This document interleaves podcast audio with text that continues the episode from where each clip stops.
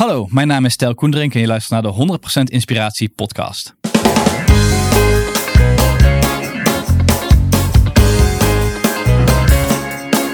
Hey, wat goed dat je luistert. Hij staat weer voor je klaar. Je wekelijkse dosis inspiratie is weer daar. De allerleukste gasten geven al hun kennis prijs. Met je veel te blije host, hij praat je bij. Zijn naam is Thijs. Thijs,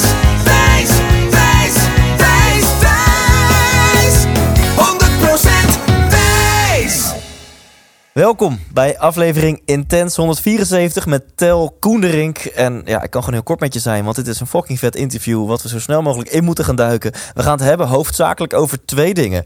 Over verschillende vormen van intelligentie. Ehm, de ene heeft een andere vorm van intelligentie dan andere personen. En ik denk dat het heel leuk is om in het interview te ontdekken... hoe dat bij jou zit, bij mensen in je omgeving... en als je ze hebt bij jouw kids. En eigenlijk aansluitend daarop gaan we het ook hebben over verschillende leerstijlen. En dit gaat me echt aan het hart, want in mijn ogen is het eh, niet helemaal de juiste manier om eh, tegen elk kindje, maar ook tegen elke volwassene te zeggen: stilzitten, bek houden en luisteren. Eh, want niet iedereen werkt zo, niet iedereen leert op die manier. Ehm, dus dit is mega interessant voor jouzelf en als je kinderen hebt, al helemaal. Dus we gaan het hebben over verschillende vormen van intelligentie en verschillende leerstijlen die daarbij passen. En eigenlijk heb je geen enkele andere reden dan, behalve het interview te gaan luisteren, ook gewoon even te gaan naar thijslindhout.nl/slash onderwijs. Want eh, daar staat een hele vette bonus voor je klaar. Gewoon helemaal gratis en voor niets. Een vijfdelige videoserie van Tel. En we hebben de meest bizarre winactie ever. Gewoon een jaar opleiding ter waarde van duizenden euro's. Die kun je winnen op thijslindhout.nl slash onderwijs. Waar je dus sowieso die gratis bonus krijgt van een vijfdelige videoserie. Maar nu eerst ga je gewoon hier helemaal gratis en voor niets van hem genieten. Hier is Tel Koenderink. 100% Welkom, Tel. Ja, Hier in, eh, in Amersfoort. We komen allebei eh, lekker uit Amsterdam. eh, vanaf dezelfde wijk zo'n beetje ook hierheen getoefd. ja klopt. Maar, maar alles voor, voor deze mooie studio. Ja, absoluut. Ik vind het super tof dat je, dat je in de 100 Inspiratie podcast zit. En we gaan het hebben over, over leerstijlen, over, over hoogbegaafdheid. Misschien wel hoogbevaagdheid, je weet het niet. En Ja. nou ja, ik, ik kan niet wachten om allemaal vragen op je af te vuren. Want ehm, een grote kans dat veel luisteraars het herkennen. De leerstijl die echt totaal niet bij mij past is stilzitten, bek houden en luisteren. Ehm, dus ik De kan vraag is hoeveel leerlingen er zijn waar dat wel eh, een soort van de ideale leerstijl Nou. van is. Dat is al een hele grote vraag die ik heb. Ja. Gaan, we gaan we het straks over hebben. Ja. Eerst, wat wil jij worden als je later groot bent? Als ik later groot ben. Nou, het grappige is dat ik al een paar keer geworden ben wat ik wilde worden toen ik groot was. Eerst wilde ik voor mezelf werken en dat was gelukt. En toen wilde ik eh, nou ja, een IT-bedrijf en dat is me toen gelukt. En toen wilde ik iets met kinderen dingen leren. En eigenlijk elke paar jaar dan merk ik van... hé, hey, dat wat ik een paar jaar geleden wilde worden, dat ben ik. Maar de, denk de overkoepelende thema is heel erg zoeken van... ja, hoe, hoe breng ik nou het beste naar boven in mezelf en, en in andere mensen? En nou ja, daarom heb ik wel het onderwijs gevonden. En als ik mijn grote droom mag uitspreken is echt helpen om die transformatie van het onderwijssysteem, van, van een soort van oud systeem van 100 jaar geleden, om daar toch wel de, de upgrade op uit te voeren, zodat we wat beter voorbereid zijn op de Ja. toekomst. eh. Nou, ik wil veel meer weten over de weg naar naartoe en hoe dat vuurtje ontstaan is. Maar je geeft al zo'n mooi voorzetje. Laten we er ook maar gewoon... Koppen Dus die, precies, die, die, die komt straks wel. Die parkeren we Ja. even. Laten we er gewoon meteen induiken. Wat, welke transformatie heb je het over? Welke transformatie is wat jou betreft nodig in het onderwijs? Nou ja, ik maak altijd een beetje de flauwe opmerking dat eh, het onderwijssysteem is het juiste antwoord op de verkeerde vraag. Het is het juiste antwoord op de vraag hoe bereiden we kinderen voor op de toekomst als het 1960 is en alle kinderen hetzelfde zijn. Uh, het is alleen geen 1960 en niet alle kinderen zijn hetzelfde. En Ja. ik denk dat dat is een stap waar we nu echt mee te maken hebben. We zitten met een enorme verandering van de wereld. En of het nou over zelfrijdende auto's of kunstmatige intelligentie of dat soort dingen hebben. Maar de wereld gaat echt fundamenteel veranderen in de komende tien jaar.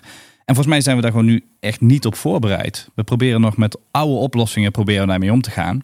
Nou, mijn grootste vertrouwen komt uit het feit dat we onze kinderen daarop voorbereiden. Ja. En ik op een gegeven moment heb ik, is een van mijn, van mijn leukste bezoeken in Amerika geweest, is de Ad Astra school. Dus de school van de kinderen van Elon Musk.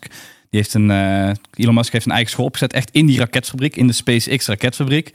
En ehm, daar leiden ze allerlei kinderen op, voornamelijk hoogbegaafde kinderen in dit geval. En toen ik met die directeur sprak van wat is jullie doel nou, hij zegt van wij hebben maar twee doelen. Kinderen moeten goede probleemoplossers worden, want er komen heel veel problemen aan. En het moeten goede mensen zijn. Dus we willen graag mensen vanuit een soort van ethisch, moreel perspectief hebben die die antwoorden gaan vinden. Nou, dat herken ik heel erg. Ik denk dat als we goede probleemoplossers en goede mensen hebben, mensen die zichzelf kennen en die weten wat hun talenten zijn, nou ja, dan denk ik dat we echt een fantastische toekomst tegemoet gaan. Want onze technologieën kunnen het grootste deel van de praktische problemen die we hebben, kunnen wel oplossen. Maar alleen de sociale problemen die we hebben, als je kijkt over misinformatie of dat soort dingen, fake news of politiek Ja. of dat soort dingen, ja, dat, dat gaan wij als mensen op moeten lossen. En daar zullen we kinderen op moeten voorbereiden om dat te kunnen doen. En in 1960 werkt ons onderwijssysteem misschien. Is het zo dat mensen zijn veranderd? Is het zo dat, dat, dat we nu eh, meer last hebben van het feit dat niet iedereen leert door stil te zitten en te luisteren? Of was dat 60 jaar geleden ook al zo? Maar werd er toen gewoon minder aandacht aan besteed en eh, moest je gewoon niet zeuren en, en je aanpassen? Nou, ik denk dat het zal een beetje een uitdaging zijn in de podcast van vandaag. Dat als je een soort van een kwartje ingooit, dan ga ik drie kwartier praten. Ja, ja kom maar door. Ehm, maar dat. ehm, nou, ik, ik denk dat er een aantal onderdelen in zit. Enerzijds is het, is het, is het veranderen van het onderwijssysteem geen nieuw idee. Eh, je hebt het Montessori-systeem, het Jena-plan-systeem. Ja. Dat we tegenwoordig overigens het traditioneel vernieuwingsonderwijs noemen. Wat een prachtige tegenstelling is, zeg maar. Maar het is vernieuwingsonderwijs van 100 jaar geleden. ja. Waar eigenlijk al diezelfde gedachte in zit. Dat kinderen veel meer verantwoordelijkheid voor elkaar moeten hebben, meer vrijheid moeten hebben, zelfstandig moeten leren functioneren. Dus in die zin is het geen nieuw idee. En het is ook niet dat het nog nooit gebeurd is. Ehm, ik denk wel dat ehm, enerzijds is onze cultuur veranderd. Eh 50 of 100 jaar geleden werd het ook heel erg gewaardeerd als je stil zat. En dat was misschien ook wel het type baan waar je zelfs op voorbereid werd. Ja. Om lang stil te zitten. Of je ging op het land werken, maar dan mocht je ook bewegen. Ja. En dan was je meer op de praktijk gericht. En tegenwoordig vragen we ook hele andere dingen van mensen. We willen graag dat ze innovatief zijn en creatief en dat soort dingen. Dus daarom willen we ook dat kinderen ergens anders uitkomen. En nou ja, ik heb het dan wel vaak over eh, je toekomst, eh, zeg maar je onderwijs moet gericht zijn op het beeld van de toekomst wat je hebt. Ja. Als je het beeld hebt dat de toekomst precies zo gaat zijn als nu, dan kun je je kinderen er heel goed op voorbereiden door gewoon te vertellen, dit zijn de antwoorden. Maar als je naar een veranderende toekomst gaat, of een onkenbare toekomst, weet je, als je stel je dat, dat je een programma moet schrijven hoe kinderen op Mars moeten gaan leven. Daar is geen antwoord op te geven. Dus dan kunnen we geen kennis geven. We kunnen niet zeggen, dit zijn de zeven makkelijke stappen van leven op Mars. Maar dan ga je in één keer hele andere dingen aanbieden. En dan ga je het veel meer hebben over Mm. welke houding heb je. Ben je lerend? Eh, kun je met anderen omgaan? Kun je samenwerken? Ken je jezelf? Ken je je eigen talenten? Nou, en dat zorgt ervoor dat kinderen voorbereid zijn nou ja, op de toekomst. En omdat die toekomst steeds sneller gaat veranderen, is het ook niet van we zoeken even een nieuw recept. Maar we zullen onszelf elke vijf of tien jaar opnieuw moeten gaan uitvinden in de komende periode. De- Dus je zou kunnen zeggen, vroeger werden kinderen voorbereid op een uitroepteken van hey, dit is hoe de wereld in elkaar zit. Mijn Of vader nou- was timmerman, ik, ben, ik word timmerman. En dan Ja, precies doen wat timmerman. mijn vader doet, word ik een goede timmerman. Ja, Of, of, of landbouw, of economie, of politiek, of onderwijs. Maar eh, dit is hoe de wereld draait. En we gaan jou helemaal kneden dat jij in die wereld... En nu is het onderwijs één groot vraagteken. En we hebben geen idee hoe de wereld eh, er, er, eruit ziet. Eh, dus je moet ineens op een hele andere manier mensen gaan, kinderen gaan voorbereiden. Ja, nou en dit, en dit zei ik al punt waar natuurlijk sommige mensen al beginnen af te haken. En die zeggen, ja, er is wordt al 50 jaar gezegd, de wereld gaat nu echt veranderen. En dat gaat toch niet, weet je, gewoon lekker blijven doen wat we altijd gedaan hebben. Want ik ben er toch best goed uitgekomen. Dat is zelfs van hoofdargument om niet te veel met het onderwijs te doen. Maar ik denk wel echt dat we nu op een ander punt in de wereld zijn. Eh, als we gewoon even naar een heel praktisch voorbeeld kijken. eh, zelfrijdende auto's. Weet je, nou ja, Tesla is intussen al redelijk eind gekomen met dat autopilot om zelf te rijden. Er zijn nu 17 verschillende fabrikanten die allemaal hebben gezegd dat ze binnen vijf jaar een auto hebben die zelf kan rijden. Op dit moment nu rijdt Waymo van Google in Phoenix met zelfrijdende taxis rond. Dus het is geen toekomstbeeld, maar het is er nu daadwerkelijk. En als je dan kijkt dat misschien wel 15% van de banen zijn iets of iemand ergens heen rijden of dat organiseren, dan hebben we het wel echt over een enorme verschuiving van wat dat qua werk gaat betekenen. Ja. En wat gaan die mensen doen? Nou ja, dat zijn vragen die we nu moeten gaan beantwoorden. Dus daarom denk ik dat het nu wel echt veel directer en nijpender en, en concreter is. Dan het En, dan noem je maar één van de vijf, zes grote veranderingen. kunst, kunstmatige intelligentie en over nou ja, allerlei andere verschillende... Klimaatprobleem, om maar even iets te noemen. Hey, en, en nog steeds, de wereld hè, eh, verandert dus meer dan 60 jaar geleden. Ja. Kunnen we wel stellen. Maar zijn mensen nu, zijn kinderen die nu acht jaar oud zijn en in groep 4, 5 zitten, zijn die nu anders dan de kinderen van 60 jaar geleden? Eh, eh, dus nog steeds om even bij die vraag te Ja, blijven. nee, of, zeker. of hebben we er gewoon nu meer eh, aandacht voor dat, dat, dat mensen verschillend zijn?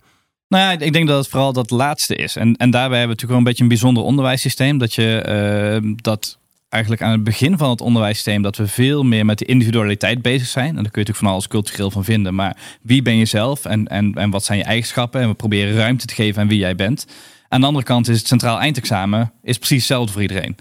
Dus dan geven we de eerste paar jaren geven kinderen steeds meer ruimte. Wat vind jij leuk? Wat wil jij doen? Weet je, wie ben Want jij? dan hebben we het over kleuterschool, peuterschool? Of, eh, ja, waar- gewoon ook wel kinderen van twee, van drie. Dan zijn we eigenlijk al bezig met wat, wat, wat, wat is nou jouw favoriete eh, Ja. speelgoed en dat soort dingen. Ja, Vroeger dus kreeg dan- iedereen dus- gewoon die Barbie en kreeg een autootje, Precies. zeg maar. Dus dan krijg je autonomie, krijg je vrijheid en mag je zelf om, je- om bepalen. jezelf te Ja, gaan, gaan ontdekken. Alleen hoe verder je in het schoolsysteem komt, hoe meer je naar die mal toe moet, waarbij je naar een standaard antwoord komt. En dan ben je in één keer aan het einde van groep 8, dan ben je op één schaal van een CITO-score van 500 tot 550. Ben je een soort van in te delen. En dan heb je een soort van dat oneindige potentieel, die, die duizenden talenten die je kunt hebben, vatten we samen als één lijn, waarbij we dan nog een soort van hoger en lager hebben. Ja. Een heel twijfelachtig concept wat mij betreft. Want wat mij betreft is iemand die wetenschappelijk opgeleid is niet beter of hoger of iets anders dan Ja. iemand die praktisch dingen doet. Want die kan misschien wel street smarter zijn, zeg maar. Meer praktijkintelligentie hebben. Terwijl ik nou, een soort van best wel domme wetenschappers ken die een heel beperkt wereldbeeld hebben. Ja. Dus het gaat er veel meer om van hoe kun je met die wereld omgaan. Alleen het schoolsysteem is nu nog best wel archaïs ingericht. eh, op dat fabrieksmodel eigenlijk bijna Ja. van 100 jaar geleden toen het, het centraal georganiseerde onderwijssysteem begonnen is. Ja, la- la- laten we dan eerst eens kijken naar de verschillende vormen van intelligentie. En dan kunnen we daarna kijken naar hoe dan verschillende vormen van onderwijs daar beter bij passen. Jij bent gediagnosticeerd tot hoogbegaafd. Hè? En dan is er volgens mij de traditionele definitie een IQ van 130 of meer. Eh, maar dat is dus een vorm van intelligentie, dat je gewoon een hoog IQ hebt. Eh, dat is heel erg beta, denk ik. Ik weet het niet, jij bent expert. Dus kun je eens wat vertellen over wat dan hoogbegaafd is en wat dan andere vormen van intelligentie eh, zijn? Nou ja, dat is, kijk, eh, ik, ik ben zelf helemaal niet zo'n fan van de term hoogbegaafd. Ik, denk, ik vraag me af wat je eraan hebt. Weet je, wordt je leven nou beter als je het wel of niet bent? En er zijn ook allerlei statistische discussies over te hebben. Kijk, 100 jaar geleden is er iemand gekomen, Charles Perrin, met het idee dat er een algemene intelligentiefactor G is. En als je daar veel van hebt, dan kun je alle denken beter doen. Als je dat niet hebt, dan kun je alle denken minder goed doen. Even heel gechargeerd. Ja. Nou, door de jaren heen zijn we dat gaan nuanceren. En heb je een performaal, bijvoorbeeld een doen-IQ en een, eh, een, een verbaal IQ. En intussen de testen die hebben al vier of acht verschillende typen eh, intelligenties. Dus we zijn steeds verder aan het uitbreiden. En toen ik eigenlijk begon met hoogbegaafdheid, want ik kom meer uit leren, leren en zelf ontwikkelen, ehm, dacht ik eerst van, nou, dan ga ik die boeken bestuderen en dan leer ik wat het is. Maar hoe meer je leert over hoogbegaafdheid, hoe meer je leert dat het een filosofisch concept is. Hmm. Dat er geen harde definitie van is. En dat wat er meetbaar van is, is inderdaad maar een heel klein stukje van het hele spectrum van talenten. Want eigenlijk zijn we als mensen natuurlijk veel breder eh, muzikaal onderlegd, of interpersoonlijk onderlegd, of, of sociaal, of praktisch, of beta, of eh, nee, dat zijn allerlei verschillende talenten. En wij hebben dan toevallig, hebben wij in ons schoolsysteem, hebben we daar dat beta-deel, het analytisch denken en dat taalvermogen, hebben we nou ja, tot het hoogste verheven. ja. Eh, daarvan hebben we dan gezegd dat dat goed en belangrijk Dus is. alfa en beta, zeg maar.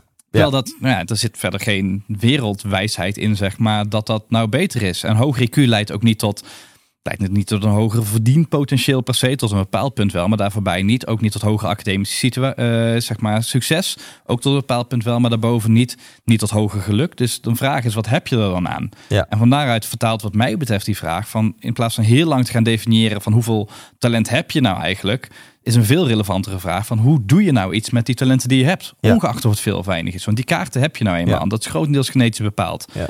Maar ja, goed. Kijk, Messi, die is ook niet op een voetbalveld komen rollen, zeg maar. En de eerste dag was hij Messi. Die heeft er waarschijnlijk iets van 10.000 uur, dus noemen ze dan een 10.000 uur regel, minimaal 10.000 uur aan intelligente training in zitten om dat talent tot wasdom te brengen. Ja. Maar bijna iedereen die 10.000 uur aan intelligente training in zou stoppen, zou een, ontzettend goede voetballer worden. Zelfs als je dat met minder talent doet. Ja. De vraag is alleen, wat vind je leuk genoeg om te doen om Ja. er 10.000 uur aan te besteden? Ja. En dat is dan eigenlijk een relevantere vraag. Ja, gaaf. En, en voordat we hierop ingaan, hè, dus hoe, hoe benut je beter de talenten? Hoe benut je beter de kaarten die je in handen hebt? Ja. Eh, eh, je noemde even tussen door heel snel al verschillende vormen van, van intelligentie. Kun je daar wat- want, want dat helpt al voor mensen die luisteren of voor de kindjes. Eh, als je denkt, oeh, maar mijn zoon of dochter, ik ben wel benieuwd wat dan zijn of haar kracht is. Om dat even kort te benoemen, want je noemde even iets van sociaal en praktisch en muzikaal. En, Ja. nou, dus kun je eens wel wat, wat noemen over de verschillende vormen van intelligentie? En dan kunnen mensen voor zichzelf of voor hun kinderen misschien een beetje gaan denken: hé, hey, waar zit dan het talent van mijn zoon of dochter? Nou ja, en wat je daarin heel erg merkt, is dat je een soort van verschuiving ziet tussen, tussen de hardere wetenschappelijke kant, zeg maar, die goed te onderbouwen is. En dan kom je voornamelijk bij IQ-testen uit. En die hebben verbaal of performaal. eh, en dan een aantal onder subtesten, zeg maar, eh, die eronder zitten. Nou, en dan ga je daarna naar dingen die minder goed wetenschappelijk onderbouwd zijn. Bijvoorbeeld Howard Gardner heeft de, de meervoudige intelligentietheorie opgezet. En die heeft zeven of acht verschillende intelligenties. Ja. Inderdaad, eh, interpersoonlijk, dus hoe ga je met anderen om? Intrapersoonlijk, hoe kun je zelf reflecteren? Eh, muzikaal, fysiek eh, en ook dan inderdaad analytisch en taalgericht. Maar uiteindelijk ook existentieel. Hoe ga je met de wereld om? Ja, daarvan zijn allerlei discussies over hoe, hoe wetenschappelijk valide er is. Er zijn ook allerlei systemen waarbij je misschien wel, wel 30 of 40 verschillende talenten hebt. Ja, Als je wa- kijkt naar- wa- Wat is jouw visie hierop? mijn visie is dat, dat we proberen vakjes te creëren bij iets wat niet zo zwart-wit in elkaar zit. Oké, Dus dus jij, soort- bent geen voorstander van deze zeven vormen van intelligentie benoemen? Maar ik denk dat helemaal aan het begin van het proces het goed is. Als iemand rondloopt en denkt, ik, ik heb geen talent en ik weet niet wat mijn talenten zijn. Dan kan het heel goed zijn om zo'n test te doen. Zo'n zo'n meervoudige intelligentietest of een IQ-test of wat dan ook. Om een beeld te krijgen, zodat iemand zegt van, nou ja goed, van alle dingen die jij doet... zijn dit gebieden waar jij waarschijnlijk verder gaat komen dan anderen als je er evenveel tijd in stopt. Als wij allebei Ja. duizend uur gaan besteden aan sporten, dan zul jij misschien na duizend uur verder zijn dan dat ik Ja. ben. Ehm, en misschien is dat wel heel veel verder, of misschien een klein beetje verder. Nou, dat Ja. zijn dingen die nuttig zijn om te weten. Eigenlijk vind ik het veel interessanter om te weten wat vind je leuk om te doen. Als je kijkt in de positieve psychologie bijvoorbeeld, hebben ze de eh, values in action eh, lijst, waarbij je een vragenlijst krijgt. En dan kun je uit 36 kwaliteiten kun je uitvinden wat de vijf zijn die het beste bij jou passen. En is ook gewoon echt online testen. Ik kan ook even in follow-up als mensen dat willen, of ik kan het ergens online wel delen. Dat je gewoon die test online kunt doen. Dan krijg je een antwoord op dit zijn een aantal talenten die je hebt. En dan krijg je Ja. 35 verschillende dingen van creativiteit tot rechtvaardigheid, tot veel meer overkoepelende eh, begrippen. Die je dan kunt gaan uitdiepen om dat meer een plek in je leven te geven. Maar dat je ergens een talent voor hebt, hoeft niet te betekenen dat je het leuk vindt. Nou ja, en dan, kom je, maar goed, een bepaalde theorie noemen ze de Ikigai-theorie. Dat Ja. je eigenlijk vier dingen nodig hebt, zeg maar, als je een soort van ideaal leven, dat heb ik geloof ik onderzocht bij mensen die meer dan 100 werden op Okinawa. Die leven dan hun Ikigai, van wat is een mooi leven. En die zeggen, dan moeten er vier dingen bij elkaar komen. Je moet iets doen eh, waar je goed in bent. Dus heb je er talent in of niet? Je moet iets doen waar je, wat je leuk vindt, want als je het leuk vindt, ga je het meer doen. Je moet iets doen wat de wereld nodig heeft, waarbij je een bijdrage kunt leveren. En bij voorkeur iets wat je helpt om in je levensonderhoud te voorzien. Ja, Nou, als jij iets kunt vinden wat al die vier dingen is. Ik vind het leuk, ik ben er goed in. De wereld heeft het nodig, zeg maar, eh, in een waardeperspectief. En iemand betaalt me ervoor of ik kan Ja. ervan leven. Nou ja, dan heb je een, een ideaal leven. En dan ja, krijg je dat proces van in je tot je recht komen. Is die vier vragen beantwoorden. En daar kun je een leven aan besteden. Nou, terug dan met deze wijsheid naar het onderwijssysteem. Ja. Dat, dat jij wat kritisch bent op eh, stilzitten, mond houden en luisteren, dat, eh, dat is nu duidelijk. Wa- Wat is dan wat jou betreft een, een, een veel betere manier van... Nou, laten we beginnen met basisonderwijs, groep 1 tot en met 8. Weet je wel, wat, hoe, zou dat, hoe zou dat eruit moeten gaan zien volgens jou? Ja, nou, ik, denk, ik vind het altijd wel belangrijk om aan te geven eh, als je het hebt over kritisch zijn op onderwijs. Want dat is natuurlijk een, een heel dankbaar onderwerp om met z'n allen te gaan zeuren over alles wat er mis is met het onderwijssysteem. Ja, Ehm, is dat het, ehm, en dat is me echt opgevallen, dat niemand zijn schuld is. Eh, toen ik origineel, ik begon, kwam van buitenaf, want ik heb ook verder geen pedagogische studies of dat soort dingen gedaan, het onderwijssysteem in. En eerst praat ik met ouders en dan was de schuld van de leerkracht. En toen had ik het met de leerkracht en docenten over. En toen zat het misschien bij de schoolleiding dat het niet goed ging. En toen bij de besturen. En toen bij de inspectie. En toen bij OCW. En toen bij de politiek. En die heb ik al die partijen gesproken. Tot met echt een interview of een, zeg maar, een, een brainstorm sessie met een staatssecretaris en een minister. En iedereen staat 's ochtends op met het idee, we willen het beste doen voor kinderen. Niemand staat 's ochtends op met, ik probeer eventjes wat talent uit die kinderen te slaan, zeg maar. Van Ja, als we dan ja. maar voor elkaar krijgen om ze stil te krijgen en gewoon te laten luisteren. Er is niemand die daarmee, be- die, die daarmee wakker wordt. Het is alleen zoeken, als we al iets anders willen, als we er allemaal erover eens zijn dat kinderen tot hun recht moeten komen, dat we naar een duurzame, gelukkige, gezonde samenleving moeten, hoe doe je dat dan? En dan blijkt dat we ons systeem dan in zoveel vakjes opgeknipt hebben, dat eigenlijk iedereen zich daar een beetje hulpeloos in voelt. ja. En dat het onderwijs eigenlijk wel beschouwd misschien wel een soort van stuurloos schip is. Want dat iedereen zegt, ja, ik ga hier niet over. Tot en met de minister van Onderwijs. Want we hebben een heel gek gedecentraliseerd onderwijssysteem.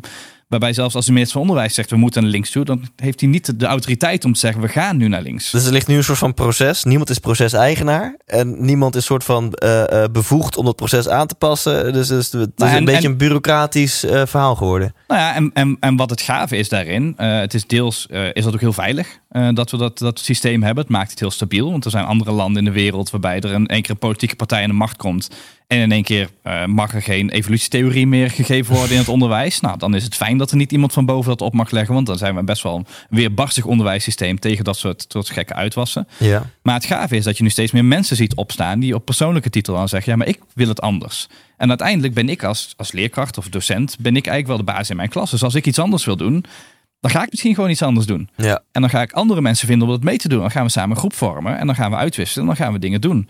En dan is het wel gaaf dat, dat ook iemand als ik, die gewoon maar een idee heeft over onderwijs, een school kan beginnen. Ja. En, en andere dingen kan gaan aanpakken. Dus ik denk dat even belangrijk als zijnoot, zeg maar. Ja. Voordat ik, dat ik hier een soort van eh, ga pontificeren Ja, over eh, slechte, stomme Ja, ja, ja. Nee, ik, ik, vind onderwijsmensen. het, ik vind het top. Dit kan misschien al bij sommige mensen de angel er wat uithalen. Mensen kunnen soms wel heel intens zijn met, met eh, kritiek of zich ergeren. Van hey, in principe, je kan niemand aanwijzen als Zwarte Piet. Iedereen tot aan de minister toe wordt wakker met hey, ik wil vandaag het onderwijs een stukje beter maken. Ja, en vandaar is de vraag, hoe gaan we die mensen helpen? Hoe gaan we ze ondersteunen en hoe gaan we zorgen Ja. dat die voor ons stappen maken? Nou, en ik, ik geloof heel erg, gaf net een beetje aan, afhankelijk van de toekomst die je voor je ziet, moet je eh, je begeleiding van kinderen anders inrichten. Als je een super bekende toekomst hebt en je weet precies waar iemand heen gaat begeleiden, dan is inhoud echt een briljante vorm van onderwijs. Ja. Ga je iemand gewoon precies leren, zo zit de wereld in elkaar en dan ga je hem daarop voorbereiden. Ja. Maar als je iemand op een onkenbare wereld gaat voorbereiden, dan moet je veel meer bezig zijn met, met wat ik dan noem levenshouding en de vaardigheden die je leert en zelfkennis. En dat zijn een beetje zweverige termen en dan kom je al heel gauw in een soort van balken en de normen en waardediscussie misschien. Maar het gave is dat met velden als positieve psychologie tegenwoordig die dingen heel concreet gemaakt zijn. Ook echt meetbaar, aantoonbaar, dat je bijvoorbeeld iemand aangeleerd optimisme kunt leren. Je kunt iemand begeleiden om beter te worden in aangeleerd optimistisch te zijn, waardoor die beter met tegenslag om kan gaan en minder kans heeft om depressief te worden. En dat hij, eh, noemen ze dan interne locus of control, heeft dat hij meer eigenaarschap over zijn leven ervaart. Nou, als ik dan kijk naar wat zou het doel van onderwijs moeten zijn, is om dat soort dingen aan kinderen mee te geven. Ik geef altijd wel een beetje het flauwe voorbeeld van de, van de Mars-Rome-regel. Dat als wij iets aan kinderen willen leren wat tijdloos is, dan moeten we eigenlijk proberen te bedenken, zou dat 2000 jaar geleden in het oude Rome nuttig geweest zijn? Oh ja. En zou het nog nuttig zijn als we op Mars leven? Ja, ja, En als het in allebei de gevallen nuttig is, nou, dan kunnen we redelijk vaststellen dat het tijdloos is. ja. Dus als je kijkt naar, weet ik veel, de grammatica-regels uit je hoofd leren. Ja, dan had je in het oude Rome, zou je niks hebben aan dat je nu de Duitse grammatica-regels weet. En op Mars heb je er waarschijnlijk ook niks meer aan. Mhm. Maar als je een doorzetter bent, of als je leren leuk vindt, of als je precies weet wat je talenten zijn, hoe je die in kunt zetten. Het maakt niet uit of je nou het oude Rome was. Goede samenwerkers waren daar populair. Als we zo meteen op Mars zitten, wil ik ook graag met een goede samenwerker daar zitten. Dus we moeten heel erg zorgen, zoeken naar die tijdloze dingen. En dat zit voor mij heel erg in de vaardigheden. Noemen ze dan de executieve vaardigheden. Bijvoorbeeld plannen en organiseren en zelfreflecteren. Maar ook sociale vaardigheden. Kan ik met anderen omgaan. Probleemoplossende vaardigheden. Kan ik nieuwe eh, oplossingen verzinnen. Levenshouding gaat heel erg over hoe sta ik in het leven. Dus eh, ben ik een optimist? Eh, ben ik een doorzetter? Eh, weet ik om te gaan met tegenslagen? Heb ik een positief mensbeeld? Heb ik een beetje vertrouwen in de mensheid? En nou ja, een morele ontwikkeling, heel belangrijk. Dus nou ja, zit je op het morele ontwikkelingsniveau van als ik niet gepakt word, dan was ik niet fout. Mhm. Eh, waar sommige mensen eigenlijk een groot deel van hun leven leven. Of van, nou ja, weet je, ik, ik ga me inzetten om de hele wereld een beetje beter te maken. Niet alleen ikzelf, maar ook de planeet. En ik probeer ook de mensen om me heen te helpen. Dan zit je in een heel andere houding. En daarvoor moet je weten wat jouw talenten zijn. Ja. Dus dat hoort wat mij betreft de kern van het onderwijs te zijn. Dat is ook een van de redenen waarom de de School of Understanding die ik dan opgezet heb, die start ook elke ochtend met een levensles. Gewoon echt elke ochtend van half negen tot negen, of van kwart over acht tot kwart voor negen, hebben we levenslessen. Om met dit soort thema's bezig te zijn en die echt aan kinderen aan te bieden. Ja. En hoe dit, dit zo'n gedeelte in het antwoord op mijn volgende vraag.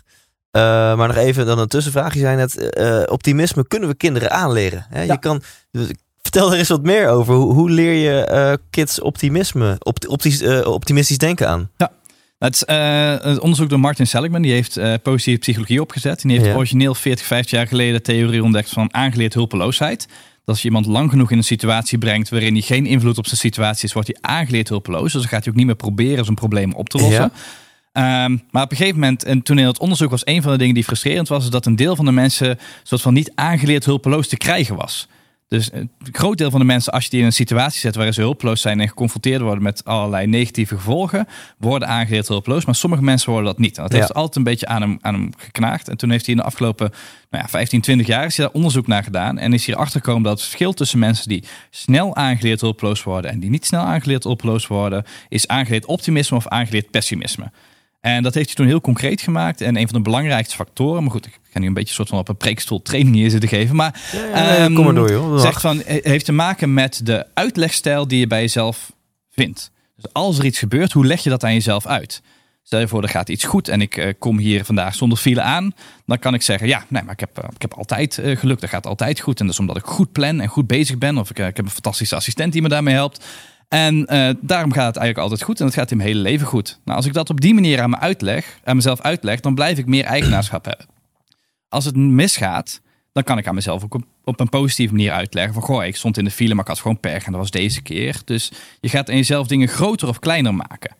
En dat kun je met positieve of negatieve dingen doen. Iemand die aangeleerd pessimistisch is, die gaat alles wat misgaat, gaat hij groot maken. Het gaat altijd mis met me. eh, en het gaat overal mis met me. Dat is mijn eigen schuld. En als het goed gaat, zegt hij, ja, maar daar kon ik ook niks aan doen. Ik had toevallig geluk gehad. Mhm. Een aangeleerd optimist, die is van nature geneigd als het goed gaat. Die denkt, oh, nou, dat heb ik goed gedaan. Daar heb ik in geïnvesteerd. En even zonder, zonder narcistisch te worden, zeg maar. Maar wel van, ik zie wat ik goed gedaan heb. En als het misgaat, nou, dan heb ik misschien een keer pech gehad. En dan moet ik de volgende keer Ja. beter doen. Nou, en dat kun je iemand aanleren. Je kunt iemand begeleiden in het ontwikkelen van een positieve uitlegstijl. Ja. explanation style. ja, en dan, dan nog steeds de hoe. Hoe kan je dat iemand aanleren? Nou ja, dan kom je bij eh, eigenlijk drie onderdelen. De eerste is wat ze noemen psycho-educatie. Dat is dan niet psycho-educatie, maar psycho-educatie. Ja, ja. Dus dat je kinderen psychologie gaat leren. Je gaat ze uitleggen, zo is het om mensen te zijn. Wel, waarom leren we wel Ah. rekenen, spelling en, en taal, maar leren we niet wat is het om mensen te zijn? Wat zijn sociale vaardigheden? Hoe is het om met elkaar om te gaan? Hoe ga je met ruzie om? Want dat is misschien minimaal zo belangrijk, nog wel belangrijker dan, eh, dan die taal- of spellingregels. ja, dan wat is de hoofdstad van Bulgarije? Kun je beter weten van hoe, ga ik met, hoe kan ik met vrienden vrienden maken? eh, of met andere mensen vrienden maken als ik niet zo goed weet hoe ik dat moet aanpakken. Ja. Ehm, dus nou, ja, zo'n psycho-educatie, dan kun je die lessen echt uitleggen. We leggen echt gewoon uit. Er is een aangeleerd optimisme, er is aangeleerd pessimisme en zo ziet dat eruit. Dus dan krijgen kinderen een beeld van wat dat is. We gebruiken andere taal bij en dan eh, met poppenkastpoppen en met allerlei metaforen doen we dat. Ehm, vervolgens ga je, moet je obstakels introduceren. Want je kunt alleen maar met obstakels om leren gaan als je ze hebt. En dat is dan ook nog wel een les voor onze maatschappij. Dat we vaak allerlei obstakels bij kinderen weghalen. Eh, we maken opdrachten makkelijker. en doen het in kleinere Mm. stapjes. Om maar te zorgen dat een kind niet op zijn bek gaat. Maar eigenlijk zou je meer op je bek willen gaan. Eh, want dan leer je omgaan met het op je bek gaan. Als je dan, als dingen misgaan of goed gaat, dan moet je iemand begeleiden in het proces van die zelfreflectie. En dan kun je echt vragen: oké, je hebt net een opdracht gedaan en die was heel moeilijk en uiteindelijk ben je misschien ook niet uitgekomen. Wat vertel je nou tegen jezelf? Nou, zegt hij, ja, bijvoorbeeld heel stom en het gaat altijd mis en het is altijd lastig. Als ik puzzels moet maken of als ik moet rekenen, gaat het altijd mis. En dan kun je echt opdracht geven. Dan zeg je, nou oké, laten we nu eens kijken of je dat ook, stel je voor, en dan gebruiken we echt poppetjes. Je hebt Fixie en Growy is bijvoorbeeld zo'n methode. Ehm, dus dat je een fixed mindset robotje hebt die altijd overal negatief over is en alles moeilijk vindt. En Growy is een robotje. dus dan hebben ze twee, een soort van archetypes die ze in hun hoofd hebben. Hoe zou Growy dit nou uitleggen? Ah, wat cool. En dan zeggen ze, nou ja, Growy zou zeggen, nou het is even niet gelukt, maar de volgende keer moet ik wat meer doorzetten. Oh, oké, interessant. En is Growy, heeft hij nou meer of minder gelijk dan jij? Ja, eigenlijk een beetje een rare vraag, want het is niet meer of minder. Je kunt het allebei. Je kunt zeggen dat het niet lukt en je kunt zeggen dat het wel lukt, maar het is allebei niet waar. Ja, ja, ja. ja. Ja, maar als dan de conclusie is dat je gelukkiger bent en dat je meer gedaan krijgt als je het als Growy doet, misschien zou dat dan wel fijner zijn. Nou, dit is ook een van de redenen waarom die levenslessen zo belangrijk zijn. Want dit zijn dan echt Ja. die onderwerpen van die levenslessen. Om 's ochtends eh, te introduceren dat bijvoorbeeld fictie en growy bestaan. Een fixed en een growth mindset zijn dan Tof. de theorieën erachter. En dan echt met kinderen gaan oefenen. En dan gaat het niet alleen om de les aan het begin, maar ook de feedback gedurende de dag. Ja. Dat als een kind dan tegen zijn grenzen aanloopt, van hey, weet je nog wat we vanochtend besproken hadden? En kun je daar iets mee gaan doen? Ja, dat is een mooi bruggetje aan het volgende. Want je noemde het net al inderdaad. Bij jouw School of Understanding begin je dus de dag met, met, met een levensles. Ja. Eh, mensen denken, hè, School of Understanding. Ja, j- jij bent dus, behalve dat je inderdaad eh, loopt te bashen op hoe het allemaal beter kan, kom je ook in actie. Dus dat is gewoon jouw eigen basisschool, heb je gewoon opgericht. Ja. Dat is geen heel makkelijk proces te zijn. Eén formuliertje en het was geregeld, Ja, geloof ik. natuurlijk. joh. Dat was echt vijf minuten. Dat is, eh, nee, dat is echt 2,5 uur- 2,5 jaar aan papierwerk geweest. Dat is nu over een wet in de Tweede Kamer van de Eerste Kamer om dat iets makkelijker te maken. Maar het blijft een enorm proces. Wat overigens ook wel goed is, hè? want het is een enorme verantwoordelijkheid Ja, ja, om een school te draaien. Je wil ook niet dat gewoon iedereen die maar Nee. denkt, oh, ik heb, ik heb een zaterdagmiddag over, laat ik een school beginnen. Ja, ja, precies. Ehm, nee, maar dat is echt 2,5 jaar aan papierwerk geweest. Waarbij dat doorzettingsvermogen wel een, eh, een sleutel geweest is. Maar heel erg vanuit die droom samen met een groep anderen. Van ja, als je dan een beeld hebt over hoe onderwijs anders moet. Dan kun je wel gaan roepen over anderen die dat moeten doen. Maar ja, laat eerst maar zien in de praktijk dat je het zelf kunt doen. ja, wa- wa- waar staat eh, de School of Understanding? In Amstelveen. Ja, gaan nu eh, elke dag 200 kinderen, of meer dan 200 kinderen gaan naar school. Ehm, nou, om, om inderdaad die andere vorm van onderwijs te krijgen. Ons motto is, kinderen moeten leren jezelf leren zijn. En in jezelf leren zijn zitten dan drie dingen. Jezelf, dus wie ben ik? Je moet jezelf leren kennen. Leren. Onderwijs gaat niet over toetsen halen of scores halen. We hebben ook geen cijfers of zo. Kinderen krijgen geen beoordelingen. We krijgen feedback, want het gaat om groeien.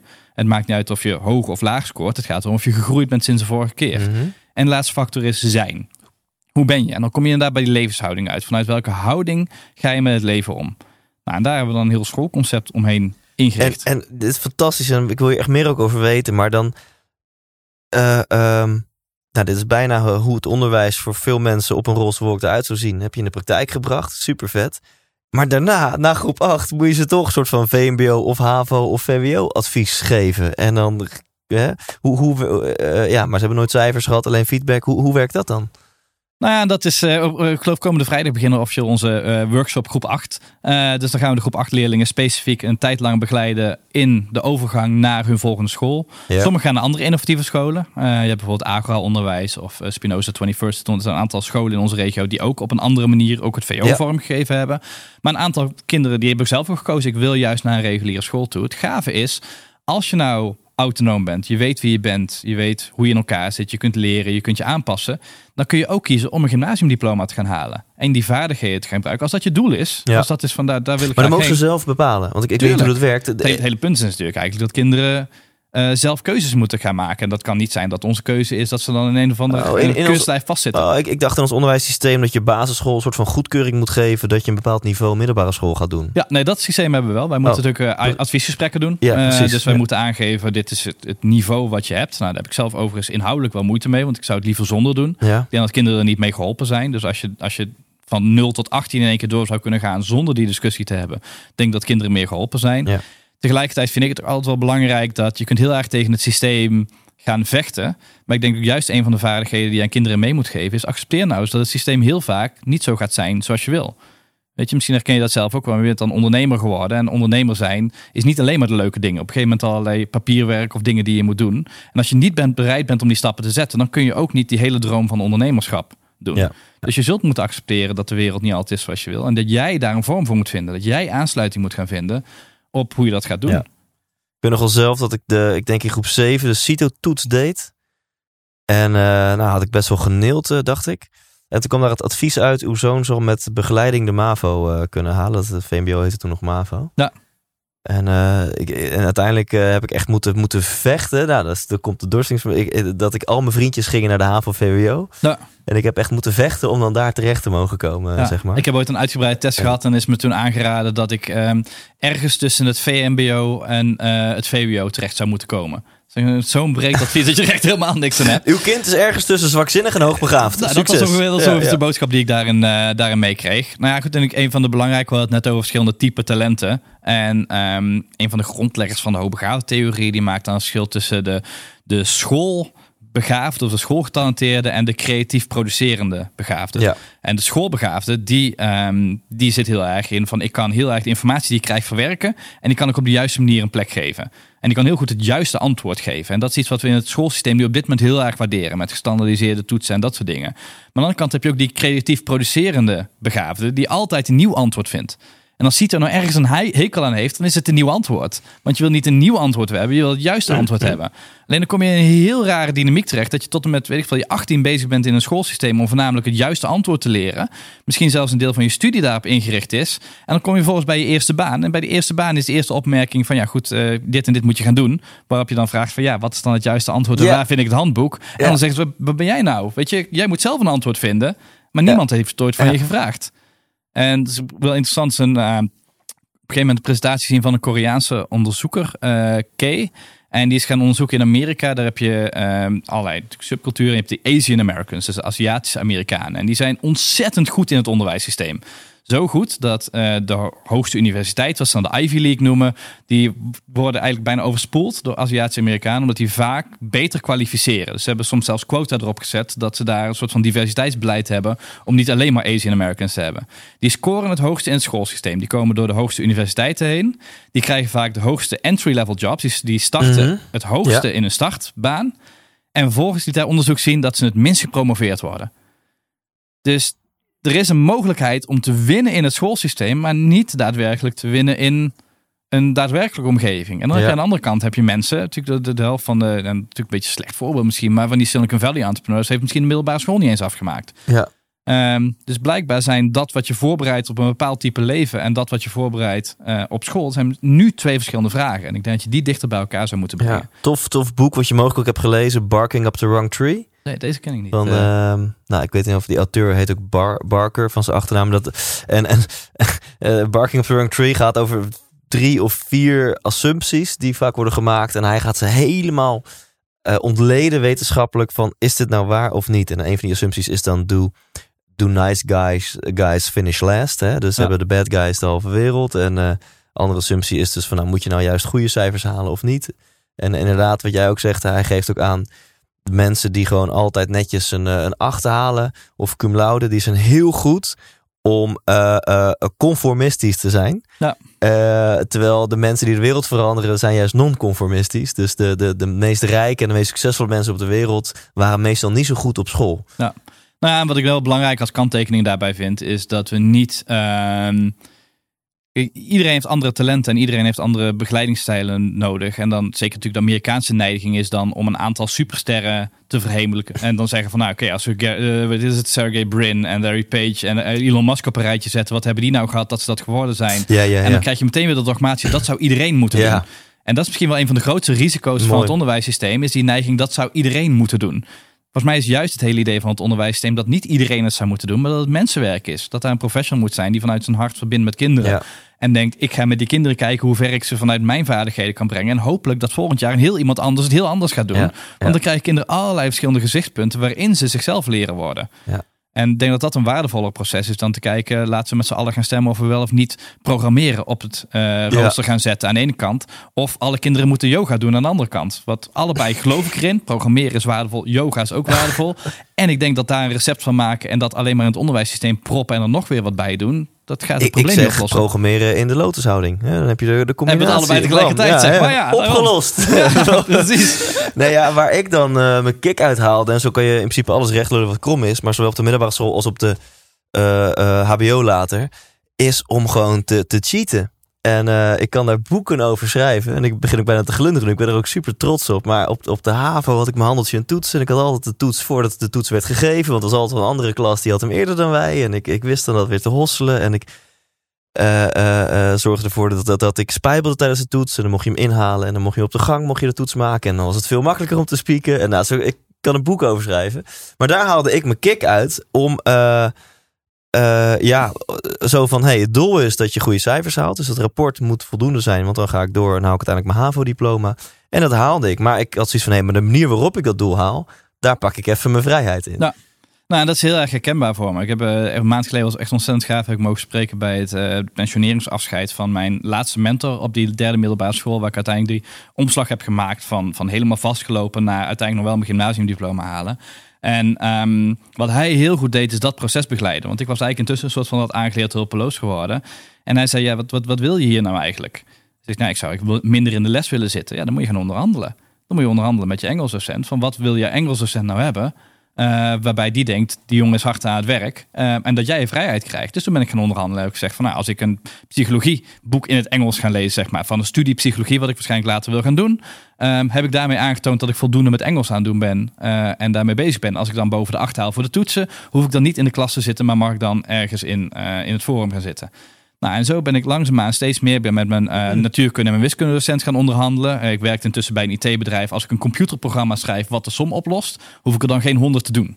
Want dan heb ik aangetoond dat ik het snap, zeg maar. En zo ben ik uiteindelijk in, in het zesde jaar, ik heb eigenlijk mijn, uit, mijn tijd uitgezeten, want ik was echt helemaal klaar met het onderwijssysteem. Maar zat ik met twee vakken in de klas, omdat ik die docent heel erg mocht. En ik had het echt nodig om, om boven de voldoende te blijven. Maar ik denk dat inhoudelijk heb ik dan een gymnasiumdiploma gehad waar ik echt nooit meer in mijn leven iets mee gedaan heb. Mijn hoogste kwalificatie is een MBO sportmassage, zeg maar. um, aan de andere kant, uh, de vaardigheden die ik heb geleerd om te onderhandelen met mensen, om zelf sturen mijn eigen problemen op te lossen, om, uh, nou ja, onderhandelen is niet alleen proberen iets uit iemand te krijgen, maar ook echt te kijken wat heb jij nodig en hoe Ja. kunnen we elkaar daarin ondersteunen. Ja. Uh, maar ook, uh, nou ja, weet ik veel. Ik zat in een trampoline team, het schooltoneel, debating team en in uh, het organiseren van het eindgala. Nou ja, dat zijn allemaal Ja. vaardigheden waar ik pas saldo volgens mij meer uiteindelijk Ja. in mijn leven aan gehad heb dan dat wat, waar het originele onderwijssysteem over Ja. ging. Nou, een bekend verhaal van mij en ook voor de mensen die mijn show hebben gezien. En ik heb mijn laatste show inmiddels gegeven, dus ik kan het nu ook gewoon, gewoon delen.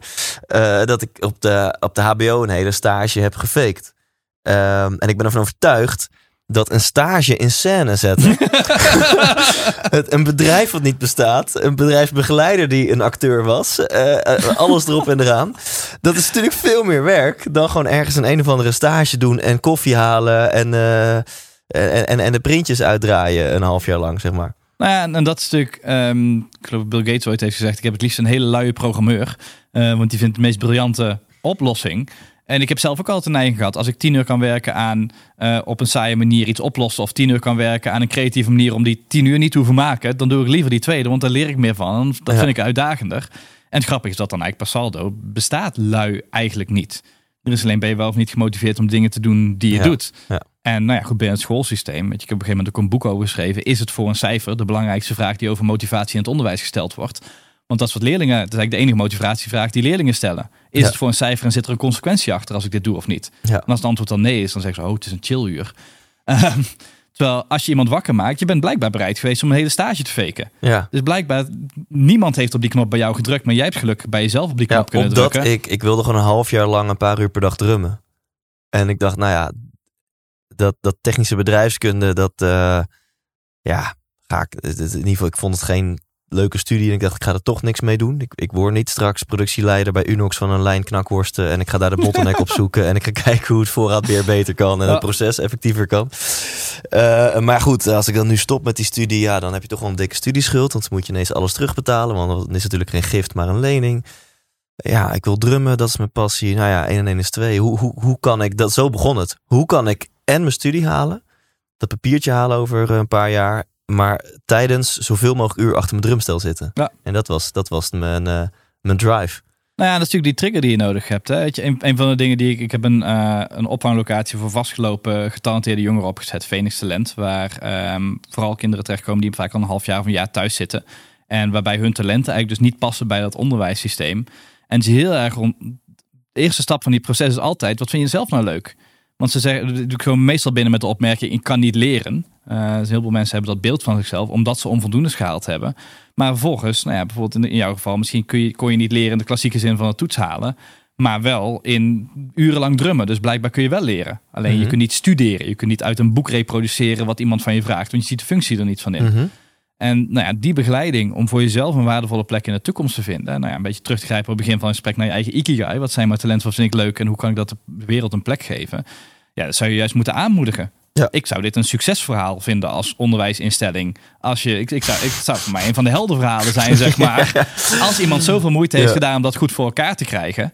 Ehm, ja, dat, dat, dan denk ik van dan heb je echt iemand iets meegegeven waar die misschien wel beter voorbereid op zijn wereld is dan.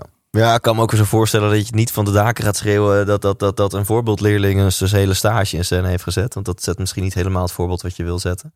Ik zou het moeilijker maken. Ik zou, als ik het verhaal vertel, vervolgens het ook zo ingewikkeld maken dat iemand wel echt zijn best moet doen om dat voor elkaar ja, te krijgen. we, gaan de, we gaan de handhaving strenger maken. Nou, dat, dat is een van de. Ik, geef ook trainingen aan VO-docenten en die krijgen er een vraag van waarom, hoe was jij gemotiveerd? Ik zeg, nou ja, ik, dat, dat vals spelen. Ik geef ook sessies aan, aan VO-leerlingen. Eh, hoe speel je vals in het onderwijs? En hoe speel je vals in het onderwijs? Dan ga je met je docent praten. Dan vraag je wat zijn de doelen? Hoe kan ik die zo snel mogelijk maken? En hoe zorg ik dat jij blij met me bent? Ja, ja, ja. ja. En dan heeft iedereen gewonnen. Hoe, zorg dat jij geen gezichtsverlies leidt? Dat, dat uh, jouw hele klas dat zijn, dat zijn, de, dat zijn de eerste lessen die je moet leren, zeg maar. Is een vraag nooit een uitzondering met 29 anderen achter je. Ja. Want daar ga je nooit ja op krijgen. Maar als je echt met een docent gaat zitten en zegt op een vrijdagmiddag... ik wil eigenlijk meer met je vak dan we eigenlijk aan het doen zijn kunnen we een manier vinden om met een soort van minimale punten dat ik mijn vinkjes haal, maar dat ik iets gaafs ga doen. Ja. Uh, dan worden in één keer ook de meeste docenten wakker en dachten: hier ben ik docent voor geworden om die leerling te begeleiden. Ja, laten we dan, want we hebben het ook gehad over inhoud, wil ik ook nog meer over weten. Maar laten we dan ook even hebben over de vorm. Want er zijn verschillende leerstijlen. En daar, daar, ik ga er maar vanuit dat jij daar iets van af weet. Uh, um, ik ben dus niet iemand die uh, stil zit, luistert en dan leert. Ik heb echt mijn middelbare schooltijd, al die scheikundelessen en alles. Dan, ik heb natuur en techniek dan als pakket gekozen ik kon alleen maar dagdromen. Dus ik was alleen maar aan het dromen, met mijn gedachten aan het afdwalen. En dan de dag voor de toets deed ik een keer mijn boek open. En dan dacht ik, oh, dus dit is wat ik vaag op de achtergrond uh, hoorde, waar de leraar het toen over had. En dan, nou ja, dan forceerde ik mezelf om het allemaal in mijn korte termijn geheugen te stampen. En dan haalde ik het nog net wel. Ja. Uh, maar kun je dan bijvoorbeeld wat, wat, vertellen over wat, voor persoon ben ik dan qua leerstijl? Wat, wat past dan wel bij mij? En, en kun je misschien überhaupt een twee, drie of vier leerstijlen uh, onderscheiden en er wat over vertellen? Nou ja, dit, dit is, uh, ik heb op een gegeven moment een, een, vergelijkend onderzoek gezien van 87 verschillende uh, leerstijlmethodieken. Dus Hoeveel? Hier 87. 87 Allemaal, en, en sommige hadden twee verschillende varianten en ja, andere ja, ja, 86. Oké, oké. Uh, maar goed, kijk, als je, zoals je jezelf omschrijft. Um, kijk, sommige mensen, dit, dit denk ik iets wat wij delen, leren heel resultaatgericht. Dat is een van de redenen waarom ik altijd ruzie heb met mijn vrouw. um, die mij probeert te behoeden van fouten, die ik ook met regelmaat maak. Maar als ik niet zelf voor mijn bek gegaan ben, Ehm, dan leer ik het niet. Ja. En nou ja, dat is natuurlijk eh, een heel andere leerstijl van, so- dan sommige mensen hebben. Die zeggen, ik wil alles van tevoren weten. Eh, want als ik alles van tevoren weet, eh, dan kan ik mij helemaal goed Ja. voorbereiden. Dus nou, om dan heel grofweg te verdelen, zijn er, is een van de indelingen dat je drie leerstijlen hebt. Ja. De eh, bottom-up aanpak. Geef me alle kleine brokjes. En aan het einde van alle kleine brokjes vertel je me wat het overzicht is. Dus ik ga je eerst gewoon 300 bladzijden scheikunde Oh, geven. En ja. aan het einde van die 300 bladzijden ga ik je vertellen... dit zijn de vijf hoofdprincipes van scheikunde. Dan pas gaan we de, de, de, de verbinding het totaal leggen. liggen, ja? zeg maar. Want dan heb ik alle puzzelstukjes en dan kan ik naar het totaal gaan kijken. Ja. De tegenovergestelde is eerder top-down leren. Dat je zegt, nee, ik wil eerst het overzicht hebben. En Ja. van het overzicht wil ik daarna wel wat details in Ja. gaan vullen. Ja. Eh, fantastische, nou ja, die, die, die mentor waar ik het over had, die heeft op een gegeven moment in één uur de hele literatuurgeschiedenis uitgelegd. Hij zegt, we gaan het niet in allerlei kleine, we gaan vandaag niet 1600 doen en volgende keer 1700. Ik ga gewoon in één uur alles van heel eh, literatuurgeschiedenis, inclusief de koppeling met economie en met kunst en weet ik wat allemaal, ga ik uitleggen. En daarna gaan we die verschillende onderdelen uitwerken. Nou, sommige mensen leren veel meer op die manier. Dus vanuit het overzicht naar de Mhm. details toe. En er zijn mensen die voornamelijk probleemgestuurd leren. Dus geef me een relevant probleem. Ehm, en dat zie je vooral bij ondernemers bijvoorbeeld. Van nou, oké, zie maar dat je met dit product voldoende geld verdient om te overleven. Ja. En dan leer ik mijn weg er wel doorheen. Ja. Dat is ook hoe ik mijn school opgezet heb, zeg maar. Ik heb me er doorheen geleerd. Want ik Ja. wist echt bij God niet wat er allemaal moest gebeuren om dat voor elkaar te krijgen. Maar toen ik eenmaal op die stoel zat en er verantwoordelijk voor was, ben ik als een malle gaan leren om er achteraan te leren om genoeg te weten om het dan te kunnen doen. En dan, ik zit en nu bij die laatste te denken, ja, hoe vertaal je dat naar onderwijs? Dan stel je wil dat een leerling alle hoofdsteden van alle landen uit Europa uit zijn hoofd weet. Ja, dat kan je niet echt in een probleem formuleren, denk ik. Maar dan heb je misschien meer over wat is het doel dat een leerling al die steden uit zijn Nou, de eerste vraag is natuurlijk wat het doel is. Eh, en als je dat dan gaat doen, nou ja, dan kom je, kun je veel beter eh, problemen gaan definiëren. Bijvoorbeeld, nou, als iemand een beetje ondernemend in elkaar zit. Eh nou ja, laat ik een voorbeeld geven van Ad Astra. Ad Astra is die school van Elon Musk. Die had Ja. dus een project en die moesten ook nou ja, wel feiten leren, maar daar wilden ze niet veel tijd aan besteden. Daar hebben zij een project, een ondernemersproject van gemaakt. En hebben gezegd, jullie moeten in Europa, want ze moesten dan Europa ook leren kennen, gaan jullie in teams van drie, gaan jullie allemaal een museum inrichten. En dan moet jij dus weten welke steden er zijn, wat de demografieën van die steden zijn, welke kunstwerken er op de markt Ah. beschikbaar zijn en welke kunstwerken passen bij welke demografie. En daarna moesten ze gaan inkopen. Was ook een hele veilingssysteem wat ze erbij had bedacht, waardoor ze van elkaar allerlei ehm, schilderijen konden kopen. En dan zat er een soort van rekensystematiek. Hoe beter je bij je demografie kwam, hoe meer geld je verdiende. En daardoor kon je uiteindelijk een soort van break-even komen als museum. Maar als je dan een zootje van maakte en je kocht de verkeerde schilderij of je bood te veel voor een schilderij, dan kon je dat niet halen. Nou, dan heb je in één keer een probleemoptimalisatieopdracht waar al Ja. die theorie een plek in krijgt. Want dan Ja. moet je in één keer de steden kennen, demografie, maar je hebt ook nog kunstgeschiedenis. Ja. Eh, Ja, dit vind ik superleuk. Dit is volgens mij het type school waar je ook wel Ja, wakker van ja, ja, precies. zijn. Ja, want, want die eerste is denk ik hè, v- vanaf kleine brokjes naar een geheel. Dat is de traditionele methode. Begin maar inderdaad. We gaan eerst hoofdsteden leren en daarna gaan we de, de rivieren leren. En uiteindelijk gaan we eens een keer naar de hele kaart kijken. Ehm, nou, het overzicht is, we gaan de hele globe bekijken en dan gaan we langzaamaan inzoomen. We moeten ook nog steeds hebben over wat is de doelstelling daarvan. Ja, maar als we het gaan hebben over van ja goed, we maken er een project van en eh, we gaan een week met z'n allen op pad. En jullie moeten maar regelen dat we als we een uh, treinabonnement hebben voor, eh, voor heel Europa, dat we in zeven dagen minimaal negen landen gehad hebben. Ja. En daarin zeven verschillende talen gesproken hebben of zo. Nou ja, dan ga je op een hele andere Ja. manier vanuit een probleemstelling. En, en dan, het is heel mooi, eh, maar hoe breng je dit in de praktijk? Dus laten we anders gewoon kijken naar jouw school, de School of Understanding. Hoe breng je dan in de dagdagelijkse praktijk dat je eh, te maken hebt met drie typen leerstijlen, met drie typen leerlingen? Nou ja, en dat is, ehm, als je kijkt naar hoe het grootste deel van ons onderwijssysteem ingericht is, is dat noemt dan voor, voor het jaarklasmethodesysteem. We zetten kinderen op leeftijd, op jaar bij elkaar. We zetten in een klas van 25 tot 35 kinderen bij elkaar. En dan gaan we methode, gaan we bladzijde 1 beginnen. Dan gaan we uiteindelijk naar bladzijde 200 toe. En het, het is een heel efficiënt systeem. Het is ook een hele logische keuze dat we 100 jaar geleden, toen we in één keer onderwijs aan iedereen moesten gaan geven en dat moesten gaan betalen met overheidsmiddelen, dat we dat zo efficiënt mogelijk eigenlijk volgens een fabrieksmodel ingericht hebben. Ja. Maar dat model geeft heel weinig flexibiliteit. Want als je dan in je eentje als begeleider met 25 of 30 man tegenover je dat moet doen. En dan moet gaan differentiëren, dan is het best ingewikkeld. Er zijn op zich wel, bedoel, daar geven wij dan ook trainingen over. Van nou, begin bijvoorbeeld met top-down en ga daarna bottom-up doen. En geef een aantal mensen een opdracht. En als die opdracht opgelost hebben, dan hoeven ze de les niet meer te volgen. Dus Nou, je zo- flikkert ze gewoon alle drie in dezelfde les. Nou ja, maar goed, door, door die les bewust op te bouwen, en dat doen ook overigens best wel veel professionals al, ehm, door hem bewust op te bouwen, kun je zeggen van nou, degene die met het probleem aan de gang willen gaan. Nou, als je dit probleem op hebt gelost voor volgende week woensdag, dan hoef je de rest van deze periode de lessen niet te volgen. Nou, dat is een manier Om dus ook het type wat je net zelf omschrijft te motiveren. Die denken, Ja. oh gaaf, weet je, dit is vals spelen. Als ik volgende week woensdag een van de project gemaakt heb, dan hoef ik de rest van de tijd hoef ik niet meer deze lessen te doen. En dan mag ik er zelf een ver- vervangende opdracht indienen. Ja. Nou, dat is een manier om dat vorm te geven. Vervolgens ga je instructie geven en zeg je, nou, voor degene die het overzicht willen hebben, ga ik dat eerst uitleggen en daarna ga ik er stap voor stap doorheen. Ja. Nou, dus zo kun je, kun je al differentiëren in je les. Alleen je, je bandbreedte is daar wel heel beperkt in. Ja. Er kan heel veel tijd in zitten en alle andere kinderen zitten te wachten terwijl je de ene groep aanspreekt of dat soort dingen. Ja. Dus daarom zijn wij gaan werken met, ehm, nou, wij noemen het dan dorpen of units. Dat we zeggen, Ja. we gaan niet met ehm 30 kinderen bij elkaar eh, zitten. We gaan misschien met 70 of 90 kinderen bij elkaar zitten. En daar zetten we dan vier of vijf professionals bij. En die gaan dan in allerlei verschillende samenstellingen gaan die vormgeven aan dat onderwijs. Die gaan met z'n allen kijken van, eh, nou ja, jij gaat misschien de instructie doen. eh, maar dan ga jij met een groepje zitten. Ja. En dan ga jij iets anders doen. En wij investeren in die levenslessen heel veel tijd in kinderen zelfstandig maken. Dus als je dan zegt van als jullie nou gewoon even zelf aan je project gaan werken, dat het ook gebeurt. Maar dan moet je het aanleren. Ja. Kijk, als ik de hele dag zeg bek houden en luisteren, ja, dan leren ze ook niet om zelfstandig te werken. Nou, en die overgang is altijd ontzettend rommelig. De eerste drie maanden is één grote puinhoop, want de kinderen die komen uit een setting Ja. waarin ze dat gewend zijn. Dus als je de eerste keer zegt, bedenk zelf maar wat je moet doen. Nou, dan lopen we een soort van duizelig door de school heen. Maar als je ze aan gaat trainen, dan zegt nou, hoe ga je je werk nou plannen? En hoe ga je nou... Nou, dan krijg je eigenlijk allemaal van die time management principes. Eh, ga je met timeblocks werken? Ga je een blok van 20 minuten werken? Ga je timers zetten? Ga je af en toe bewegen? En dat soort dingen. Nou, dan leer je kinderen om de vaardigheden te hebben om zelfsturend te werken. Ja. Nou, en van daaruit creëer je de ruimte om dingen te doen. Nou, een deel van die tijd gaat bij ons nog steeds gewoon in normale vakken zitten. Rekenen en eh taal en dat soort dingen. Maar die kunnen we dan gedifferentieerd aanbieden. Sommige kinderen zitten in groep 3 voor taal en groep 4 voor spelling en groep 5 voor, eh, voor rekenen. Eh, onze kinderen weten overigens niet in welke groep ze zitten. Want wij noemen het het lentedorp, het zomerdorp en het herfstdorp. Hm. Wat ook interessante discussies op de achtergrond. De kinderen zitten ook op eigen school. Om de achterbank oplevert dat iemand vraagt in welke groep zit jij? En zegt ze, ik zit in het zomerdorp of ik zit in het ja, ja, ja, kind ja, ja, het- hoe werkt dat precies?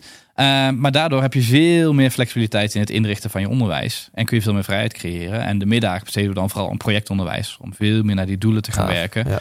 Dus bijvoorbeeld een van de methodes die we daar gebruiken is het IPC-curriculum, het Internationaal Primary Curriculum, wat ook heel erg nou ja, project- en thematisch gestuurd is. Eh, bijvoorbeeld leren over chocola. Eh, maar dan gaan we niet chocola en dan gaan we een boekje erbij pakken. Maar dan gaan ze en koken met chocola. Maar dan gaan ze ook kijken naar van wat is eigenlijk die fair trade gedachte erachter nou. En wat heeft, hoe heeft chocola onze geografische indeling, zeg maar, en de kolonis- kolonisatieperiodes beïnvloed. Ja. Eh, en dan kunnen we in keer vanuit een relevante setting kunnen ons afvragen, ja, wat is dat nou? Is Tony Chocoloni nou beter eh, dan iets anders? En ik, ik hoor hier dus, dus, dus verschillende leerstijlen, probleemoplossend vermogen, eh, eh, eh, bewegen, dat noemde je ook nog even tussen neus en lippen door. Jij bent bij Tony Robbins geweest, Unleash the Power Within. Ja. Ehm, toen ik daar voor het eerst was, was ook gewoon fenomenaal hoe ik, hoe ik dacht. Ik had tot dat moment alleen maar de ervaring dat ik op school na vijf minuten, of nou de HAVO of de HBO was, dat ik gewoon oud ging. Gewoon offline. En ineens 12, 14 uur bij Date with Destiny heb ik zelfs een keer een dag van 16 uur gehad. Puntje op mijn stoel, Ja. gewoon. Nou, En- ik ben, en- ben- ben zelf ook geweest inderdaad. Gewoon na een dag van 16 uur, 6 uur slapen en dan zit je er weer. Dat je gewoon in je hotel aankomt, na 14 uur in een seminar geweest zijn. En dat je denkt, ik kan niet slapen, ik ben, ik ben Ja. te hyped. Nu mijn vraag. eh, eh, ehm, vind je dat dan, eh, hoe hij dat aanpakt, denk je, hey, dit is briljant. En dit moeten we ook soort van vertalen naar het onderwijs? Of, of heb je daar nog wel wat pointers eh, voor? Ja, natuurlijk heel, het is heel erg wat is je, wat is je doel? Ehm, ik denk dat het laatste wat we moeten willen is dat ehm, het onderwijssysteem. Daar zit eigenlijk natuurlijk net zoveel differentiatie in eh, bij onze professionals als bij de leerlingen. Dus alle, nu in één keer zeggen alle docenten moeten een Tony Robbins worden. En die moeten ook eh, dansjes doen, zeg maar 2,20 meter zijn. En, eh, ehm, maar, maar helpen we daar ook iemand mee? Ja. Ik denk dat het hele punt is dat we minder moeten kijken naar, het- naar het aanbod. En meer moeten kijken naar wat die leerlingen nodig hebben. Ja. Maar om dat voor elkaar te krijgen, moeten we ook talentmanagement bij onze professionals gaan doen. En misschien moet je in een VO-setting wel zeggen, als we nou niet 30 kinderen in de klas zetten, maar die ene docent die het fantastisch vindt om voor een groep anderhalf uur los te gaan over wat geschiedenis is. Als we nou 150 man voor hem neerzetten.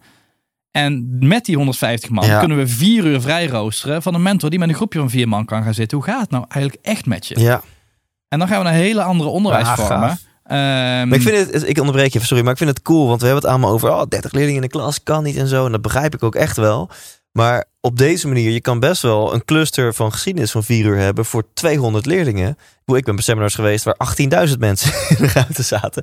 Dus dat kan prima. En dan, als je dan zegt, nou, maar dan kan je juist ook daarvoor extra aandacht geven aan, aan, aan eh, leerlingen die het even nodig hebben. Ja, Klinkt, klinkt goed. Nou ja, en, en dat stuk, eh, als je op een andere manier kijkt, een oefening die ik ooit in een creativiteitstraining heb gehad, noemen ze zero-based budgeting. Dus we hebben nu altijd de neiging om een budget te bouwen op dat van vorig jaar. Ja. Dus we doen een uurtje meer van dit en een uurtje minder van dat. Maar als je naar het onderwijssysteem zou kijken en je hebt een VO-school, je zegt we hebben een begroting van 20 miljoen.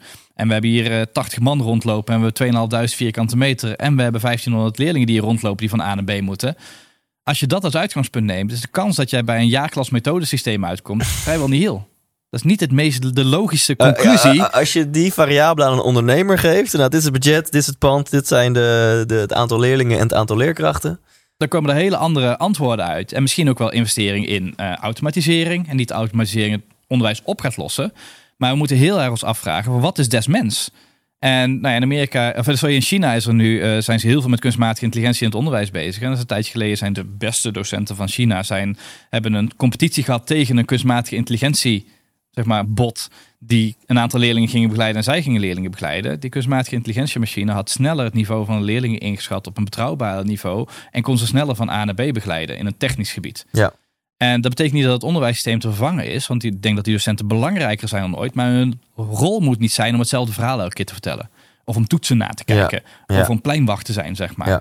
Eh, dat is niet waar, waar wij als mensen het beste in zijn. Dus als we dan kijken naar andere ontwerpen, en ik denk dat je daar op een gegeven moment ook wel, daar zal de privaatsector ook iets mee moeten doen. Want ik denk dat het onderwijssysteem zelf daar niet uit gaat komen. Ja. Eh, want er zitten zoveel bureaucratie, zitten zoveel regels in. Maar als we daar nu met z'n allen in investeren, als, als land, als overheid, als, als, als investeerders, als filantropen, dan kunnen we die, die verschuiving met z'n allen maken. Ja. En volgens mij zitten we nu op een punt dat het echt ontzettend gaaf kan worden. Ik, ja, ik, Ja, ik tof. merk Nee, dat ik nee. ga wel stuiten zeg, maar ik tof. ben wel en, ja, we moeten ook gewoon straks gaan afronden helaas. En daarna, maar voor de premium leden gaan we nog even verder zo dadelijk. En, eh, dus dat is wel echt heel cool. Eh, maar, maar change komt met kleine stapjes. Ja. Dus dat is misschien een mooie eh, slotvraag. Hoe, hoe gaan we dan met kleine stapjes wat jou betreft eh, het onderwijs verbeteren? Nou, ik denk dat een paar dingen die ik nu eh, de laatste tijd ook aan het opstarten ben. Eén is, eh, we zijn de levensles challenge begonnen. Eh, we hebben eh, uitgerekend dat we bij ons op school intussen 5000 levenslessen gegeven hebben. En we hebben onszelf ten doel gesteld om voor de zomervakantie er in Nederland 10.000 erbij gegeven te hebben. Dus we hebben de 40 soort van leukste of meest concrete levenslessen genomen, uitgewerkt in een lesplan. En die hebben we online gezet. Dus als je naar levensleschallenge.nl gaat, kun je inschrijven. Dan krijg je elke week een levensles. En dan kun je op die manier gewoon op je school gewoon meteen gaan beginnen met een aantal van die eh, levenslessen. Dus om in de praktijk, ongeacht hoe je schoolsysteem, hoe je klas in elkaar zit, kun je gewoon gaan beginnen. Of als je een coach bent of een begeleider, eh, kun je daar stappen mee maken. Dus, dus begin klein. Maak het inderdaad vooral niet, eh, maak het vooral niet te groot. Ja. Ehm, de tweede stap is, ehm, ga jezelf verbinden met anderen. Probeer dit niet in je eentje te doen. Want er zijn, het, het, grappige is, als ik over onderwijsinnovatie praat, dan als ik met het systeem praat, dan worden mensen een soort van allergisch, want je bent anders. En je bent, maar als je met individuen praat, dan gaat iedereen aan. Want iedereen denkt, ja, ja, dit is eigenlijk waar ik voor gekomen ben. Ik ben niet gekomen om een hoger CITO te halen. Ik ben niet ge- om- gekomen om een kind voor te bereiden op het centraal eindexamen. Maar ik ben gekomen om, om kinderen in hun kracht te zetten. Nou, als we op, daarop kunnen verbinden. En als je 30 anderen kunt vinden of 10 anderen kunt vinden. En je komt één keer in de maand bij elkaar samen. Om, om gewoon op een avond samen twee dozen pizza weg te tikken. En te praten over wat kunnen we nou in de komende maand doen. Hoe, binnen, hoe kunnen we kinderen meer bijbrengen over een gezonde levensstijl? ja, met, met een pizza erbij en een fles bier, zeg maar. Ja.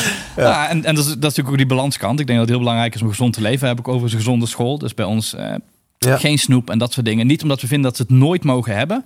Maar het moet geen dagelijkse gewoonte zijn. Nou, hier, hiernaast ons, we zien hier op het kantoor van de duurzaam adviseurs, hiernaast zit een eh, snoepbedrijf in gezond snoep. Ja. Misschien eh, leuk Nou ja, dat is ook een van de gave dingen bij ons. eh, bij ons de tractaties, eh, die moesten ook gezond zijn. Dat werd toen een hele discussie, want eh, er kwamen mensen echt met het kan toch niet. En dat is dus ook met ouders een leuk psycho-educatiestuk geweest. Van nou, het kan niet. Laten we dan eens gewoon gaan praten. En laten we eens les gaan geven in gezonde tractaties die leuk zijn voor kinderen. Waar ze zelf ook blij van worden.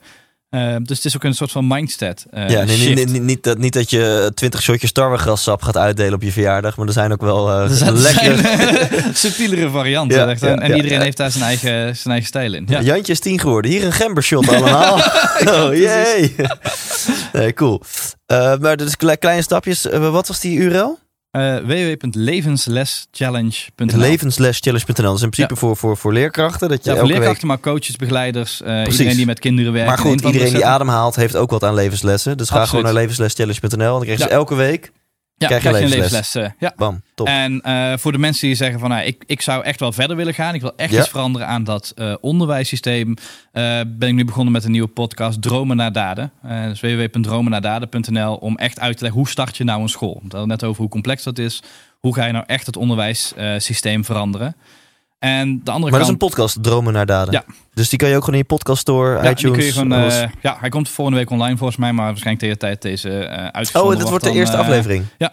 Oh, te gek. Ja, nee, dit is de- tegen, dat, tegen de tijd dat deze aflevering online komt, is het volgende week. Is al, ja, precies. De- de, de time warp van. en, ja, ehm, dromen naar daden. Ja, Cool. zeker. En wat, wat, doe je? Eh, eh, wordt het een wekelijkse podcast? Ga jij oreren? Ga je mensen interviewen? Wat Het, gaat zijn, er eh, twee, het is eh, twee keer per week een podcast waarin we een uitleg over alle stappen van het opzetten van een school. En gekoppeld daaraan gaan, eh, heb ik behoorlijk wat trainingsmateriaal verzameld. Kun je online trainingen volgen. En gaan we een aantal evenementen organiseren voor mensen die het willen doen. Om die met elkaar te verbinden. Vet. Nou, ik doe gewoon in de description sowieso een linkje naar de Dromen naar Daden Ja. podcast. Nou ja, en voor de mensen die eh, nou ja, dan wel kinderen hebben, eh, kom eens kijken bij ons op de School van de Standing. We hebben inspiratiedagen, we hebben open dagen. eh, en als je denkt van, nou ja, ik klik echt met deze visie voor onderwijs. eh, ja, we zoeken nog leerkrachten. Dus eh, Ja, als je je geroepen Cool. voelt, kom eens bij ons kijken. Ook zijinstromers hebben we soms begeleidingstrajecten voor Ja. eh, om in het onderwijs te komen werken. Want een hoop mensen zeggen, ik wilde niet in het onderwijs komen werken, want dan moest ik met 30 kinderen en een boek gaan zitten. Maar zoals jullie het doen, ja, dan voel ik me wel geroepen om met onderwijs iets te gaan doen. ja. gaaf. En, en hoe kunnen ze met jullie contact opnemen? Uh. Dat Ja. denk ik de snelste manier. Of vind Dat ons op Facebook. En dan hebben we onder andere die inspiratieochtenden en de open dagen eh, waar je naartoe komt. Eh, En mensen in de omgeving Amstelveen die komen, eh, en, en die hun kids op die school willen, die komen waarschijnlijk op een gigawachtlijst. Of, Eh, ja, er staat wel een wachtlijst. Maar in principe is, eh, dat ligt er een beetje aan. hoe Die leeftijd van je kinderen voor de kleuters is nog wel redelijk wat het is niet zo dat ik me vast moet gaan inschrijven voor het geval dat ik over een paar jaar... eh, Je kunt er altijd op tijd bij zijn. Nou, we beginnen in principe ook bij twee. Want we vinden ook dat die grens van, Ja. van vier arbitrair is. Dus we hebben een preschool, wat we dan noemen. Het is officieel kinderopvang. Waar Ja. kinderen al beginnen in de opmaat na school. En vooral kinderen die, die al vroeger willen leren, die worden er erg enthousiast van. Ja. Nou, en wat misschien wel, ehm, wel interessant is, dat ik ook gewoon best wel wat follow-up materiaal, dit trainingsmateriaal wat ik heb. Ik zal het ook nou ja, naar je toesturen of mensen kunnen dat krijgen in een follow-up op de e-mail. ehm, met eh, ik iets van 15 of 20 uur aan videotrainingsmateriaal hebben. Hoe kun je onderwijsinnovatie doen? Hoe kun je levenslessen geven? Hoe zit het met die theorieën rondom positieve psychologie? Eh, en hoe kun je dat in de praktijk brengen? Tof, die gaan we gewoon op thijslintert.nl slash onderwijs zetten. Ja. Dus dat mensen hem daar gewoon free, free downloaden, toch? Ja. Dit geef je gewoon cadeau. Ja, zeker. 20 uur aan training hoe je... Ja. Top. Ja, het is een missie, weet je. Je doet dit niet om, om te denken van, ja, we proberen mensen te vangen. Iedereen die ernaar wil luisteren, die, eh, die moet je proberen te helpen wat mij betreft. Ja, dus iedereen die iets van coach, onderwijs, training, lesgeven doet. Ja. 15 tot 20 uur videomateriaal. eh, wat, wat, wat, waar, wat leer je mensen? Hoe ze uiteindelijk effectiever les kunnen geven? Nou, of het hoe het zijn het uiteindelijk vijf trainingen. Eentje gaat over hoe gaat de wereld veranderen in de toekomst. Want hoe Ja. beter je dat snapt, hoe beter je onderwijs op voor kan bereiden. Hoe kun je er als schoolleider mee omgaan? Dus hoe geef je leiding aan een innovatieve Ja. eh, omgeving? Hoe ga je levenslessen in de praktijk brengen? Eh, Ja. Hoe organiseer je zo'n school op een andere manier? En hoe zet je nieuwe scholen op? Dat zijn eigenlijk vijf trainingen die daar... Nou, eh, tijdens lintert.nl slash onderwijs. En dan eh, sta je wel op mijn mailinglijst. Dat krijg je er gewoon gratis bij. En op jouw mailinglijst. Dat is even een Ja. AVG-mededeling. Maar je krijgt dus meteen gewoon free die gratis bonussen. En als je dan niet op onze lijsten wil staan, dan moet je gewoon uitschrijven. Dat kan gewoon super simpel. Ja, en, en misschien een, een aanvulling daarop. Eh ik begrijp dat je af en toe winacties doet. Ja, de mensen die daaraan meedoen, die kunnen wat mij betreft ook een plek in een van onze opleidingen winnen. Dus we hebben een opleiding tot levenshoudensgericht eh, onderwijs. Dus echt dat je leert hoe je levenslessen geeft, een jaaropleiding. En eh, ik ga over een maand beginnen met een opleiding het opzetten van een nieuwe school. Dus dan pikken we er eentje uit die zich inschrijft op basis hiervan ergens in de komende maand. En die mag dan gratis zo'n hele jaaropleiding komen doen. wauw. En wa- wat, wat, wat is de investering normaal gesproken voor zo'n jaaropleiding? Ergens tussen de 4 en de 6.500 euro. Eh, Wat? We gaan er één verloten. ja, we gaan er echt één van loten. Ja. Wel niet? Voor, ja, als, En als dat, dat, wil- en dat is een opleiding tot het implementeren van levenslessen. Ja, nou, de ene is de levensles. Dan mag je zelf kiezen of je eh, wil leren levenslessen implementeren omdat je zelf dat op school wil doen. Ja. Dan wil dat je zegt, nou mijn droom is om een school te starten. Ja. Dan ga ik je daarmee helpen. Ja, Wauw.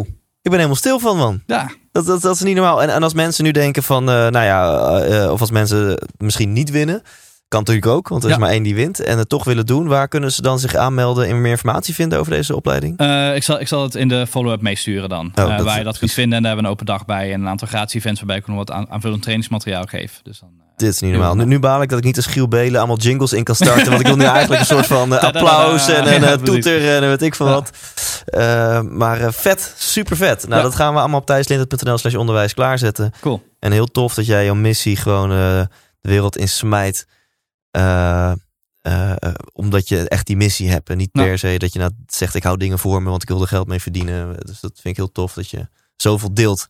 Ook, nou ja, het is ook heel wederzijds. Super tof hoe jij bezig bent om, om gewoon zeg maar de, de beelden die bij een heleboel mensen leven te kunnen delen. Hoe doe je dat nou in de praktijk? Hoe leef je inspiratie?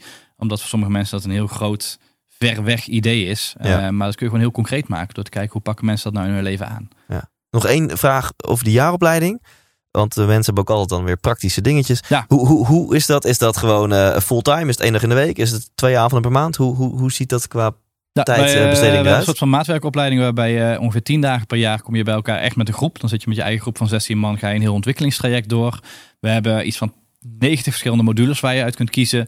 Van eh, leren leren tot hoe ga je probleemoplossend leren Ja. aanleren. Dus dan kun je daar een soort van maatwerkpakket van maken met ook een aantal specialisatiemodules. Of je zegt ik wil meer coachend worden of ik wil meer over beleid eh, leren of dat soort dingen. En daarnaast hebben we nog een heel online platform ehm, waarbij allerlei trainingsmateriaal te vinden Ja, is. maar ik bedoel meer, kan je het naast je baan doen? Of is het alleen voor mensen die echt een heel jaar tijd hebben? Ja, nee, je kunt het naast je baan. Je kan het eh, je kunt het gewoon naast je baan doen. Ja, zeker. Ja, super vet. Ja. Tof. Nou, En, en thanks ook voor je complimenten net trouwens, nee, eh, van tuurlijk, mijn ja. kant op. Eh, eh, heel tof. Eh, laten we hem afsluiten met, met een wijsheid. Maar dan, wat wil jij nog? Hè? We hebben heel veel besproken, maar wat wil jij tot slot meegeven aan de luisteraar?